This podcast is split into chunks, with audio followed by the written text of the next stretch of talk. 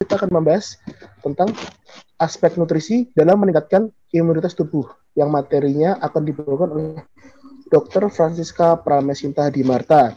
Beliau merupakan ahli imunologi dan parasitologi dari FK Unika Sugio Pranoto dan sekarang beliau menjabat sebagai kaprodi dari FK Unika Sugio Pranoto.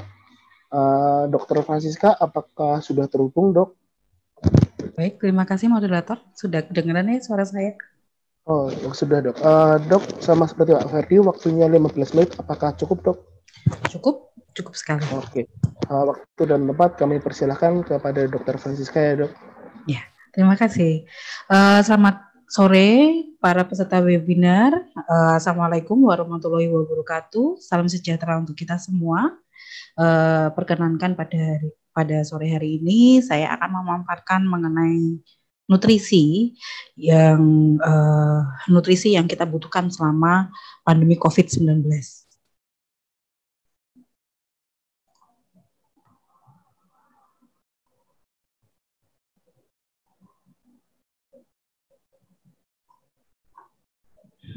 Oke, okay.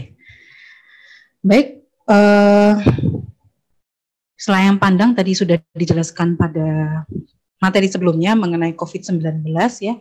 Dan kita semua sudah tahu COVID-19 itu ada apa? Itu adalah coronavirus infection disease yang terjadi pada tahun 2019 yang pertama kali ditemukan di Wuhan.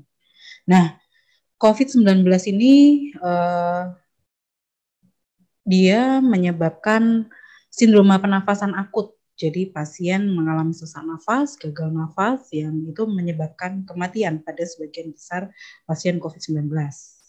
Nah, penyebab dari COVID-19 kita sudah tahu semua disebabkan oleh virus SARS-CoV-2 yang merupakan bagian dari coronavirus.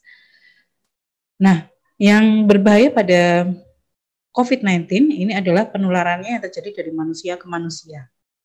Tadi sudah dijelaskan pada segmen awal tentang bagaimana penularan COVID-19. Saya tidak akan membahas lebih lama. Uh, saya akan sebelum kita masuk ke nutrisi uh, yang bisa meningkatkan sistem imunitas tubuh, saya akan sedikit memberikan gambaran bagaimana sih ketika uh, virus corona ini memasuki tubuh kita. Nah, ini gambarannya. Ketika SARS-CoV-2 masuk ke dalam tubuh, dia akan mencari sel yang menjadi targetnya selnya itu siapa. Nah, sel yang menjadi target itu adalah sel yang memiliki reseptor ACE2 atau angiotensin convert, uh, converting uh, enzyme 2 di mana banyak terdapat di alveolus. Alveolus itu ada di mana? Alveolus itu ada di paru-paru kita. Ya. Nah, ketika SARS-CoV-2 masuk ke dalam tubuh, dia akan mencari uh, alveolus, kemudian dia akan bereplikasi di sana. Ketika virus masuk ke dalam tubuh kemudian bereplikasi, hal ini memberikan sinyal kepada tubuh, terutama pada sistem imun kita untuk menanggapi bahwa oh ini loh ada e, benda asing atau makhluk asing lah ya yang masuk ke dalam tubuh.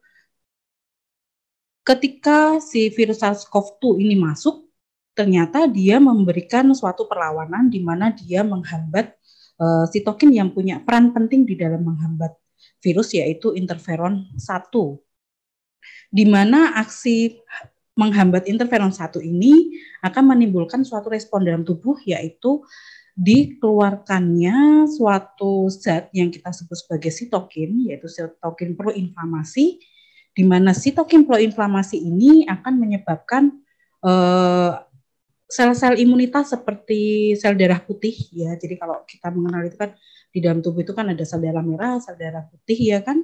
Nah, yang berperan pada imunitas tubuh ini adalah sel darah putih. Nah, pada sel darah putih yang menanggapi itu adalah neutrofil dan monosit atau makrofag.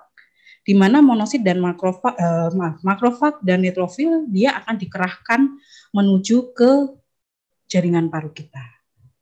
Akibatnya apa?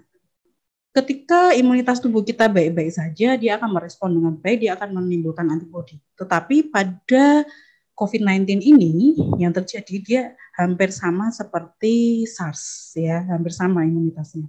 Di mana ketika dia masuk ke dalam sel, dia e, memicu terjadinya respon yaitu berupa dikeluarkannya sitokin-sitokin tadi ya, sitokin proinflamasi uh, contohnya seperti interleukin 6, kemudian CX, uh, CXCL10 di mana hal itu justru akan memberikan uh, feedback positif terhadap sistem imun kita, jadi dikembalikan lagi. Hal ini akan menyebabkan sel-sel imun seperti makrofag, kemudian sel T, kemudian uh, neutrofil itu justru akan dikerahkan ke paru-paru. Nah, ketika dikerahkan di paru-paru, apa yang terjadi? Yang terjadi justru terjadilah yang suatu fenomena yang disebut sebagai badai sitokin. Badai sitokin ini adalah uh, kita sebut badai sitokin kenapa? Karena produksi sitokin menjadi terlalu berlebihan.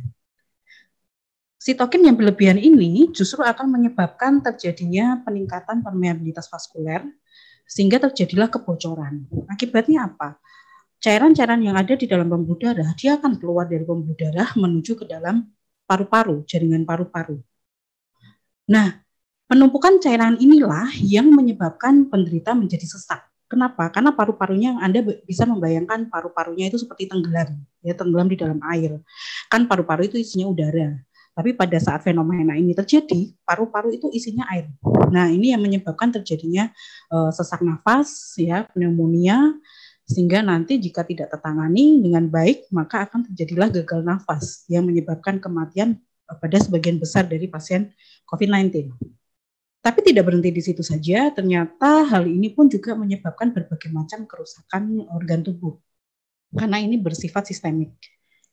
Ini yang terjadi ketika uh, gejala menjadi berat. Tetapi jika sistem imunitas kita tubuh baik, maka yang terjadi ketika ada virus uh, dia masuk ke dalam tubuh, dia akan uh, sistem imun tubuh kita akan menanggapi dengan mengeluarkan yang namanya antibodi. Nah, fungsi dari antibodi ini adalah ketika virus-virus uh, COVID-19 yang sudah bereplikasi di dalam sel, kemudian dia akan keluar keluar dari sel, sel tempat dia tadi uh, sebagai inang yang awal itu akan mengalami kematian sel. Kemudian ketika dia keluar, sebelum masuk atau menulari sel-sel yang ada di sekitarnya, antibodi ini akan menangkap virus-virus tadi dan mencegah supaya virus tadi tidak menempel ke sel-sel yang ada di sekitar dari eh, sel-sel uh, yang sudah mati tadi. Atau ketika virus tadi sudah masuk menginfeksi sel-sel yang ada di sekitarnya, antibodi ini dia akan e, menyebabkan suatu suatu tahap yang disebut sebagai antiviral state. Artinya, oke okay lah virus masuk ke dalam sel, tetapi virus akan dihalangi supaya tidak bereplikasi. Nah, ini yang terjadi pada orang-orang dengan sistem imunitas yang baik. Ini yang akan kita capai. Bagaimana cara mencapai sistem imunitas yang baik atau menimbulkan respon imun yang baik? Yaitu salah satunya dengan nutrisi. Sebelum sampai ke situ kita lihat dulu uh, siapa sih sebetulnya kelompok-kelompok yang berisiko tertular COVID-19. Kita semua sudah tahu yang paling banyak beresiko adalah kelompok-kelompok uh, dengan usia lansia lebih dari 65 tahun. Ya. Kemudian orang-orang dengan uh, yang sebelumnya sudah memiliki riwayat penyakit paru kronik, misalnya asma, kemudian uh, bronkitis dan lain-lain. Kemudian orang-orang dengan kegemukan. Kemudian orang-orang dengan memiliki riwayat penyakit jantung, kemudian perokok, kemudian penyakit uh, metabolik ya seperti hepatitis, kemudian hipertensi, kemudian diabetes dan yang terutama yang paling melejit saat ini adalah para tenaga kesehatan yang merawat uh, pasien COVID-19. Nah, ini ya, jadi bagaimana sih infeksi COVID-19 ini tadi dia menimbulkan respon imunitas, terutama pada uh, saat ini tidak hanya kelompok-kelompok yang beresiko tadi, tetapi kita juga kita semua ya yang saat ini tadi sudah dijelaskan pada sesi awal kita menganggap bahwa kita adalah OTG ya orang-orang tanpa gejala. Nah, bagaimana caranya kita mencegah supaya tidak menjadi parah atau sakit yaitu dengan salah satunya nutrisi. Nutrisi yang seperti apa yang kita butuhkan yaitu nutrisi dengan gizi seimbang. Dikatakan seimbang itu seperti apa sih? Seimbang itu apabila dia cukup kuantitas, jadi cukup jumlahnya, kemudian cukup kualitasnya, kemudian keanekaragaman zat gizinya ya jadi ada protein, karbohidrat dan vitamin komplit. Jadi nggak cuma makannya yang banyak, percuma makan banyak tapi kalau dari segi kualitas dan keanekaragaman gizinya kurang, itu bukan gizi seimbang. Ya, tidak perlu banyak tetapi cukup kuantitas, cukup kualitas dan keanekaragaman dari zat gizi tersebut. Uh, Dokter Francisca, mohon maaf waktu tinggal lima menit, Dok. Oke, terima kasih. Ya. Yeah. Nah, ini faktor-faktor yang mempengaruhi banyak ya dari segi ekonomi, sosial budaya, kondisi kesehatan. Kemudian, nah ini yang empat pilar penting untuk gizi seimbang yaitu Anda harus selalu makan menu yang beragam, bergizi, berimbang dan halal pastinya. Kemudian selalu berolahraga, menjaga kebersihan dan selalu menjaga berat badan supaya ideal. Nah, nutrisi yang dibutuhkan ya itu uh, tadi keanekaragamannya pertama dari makronutriennya, jadi karbohidratnya harus diperhatikan. Kemudian protein terutama uh, protein juga penting dalam regenerasi jaringan itu sangat dibutuhkan juga.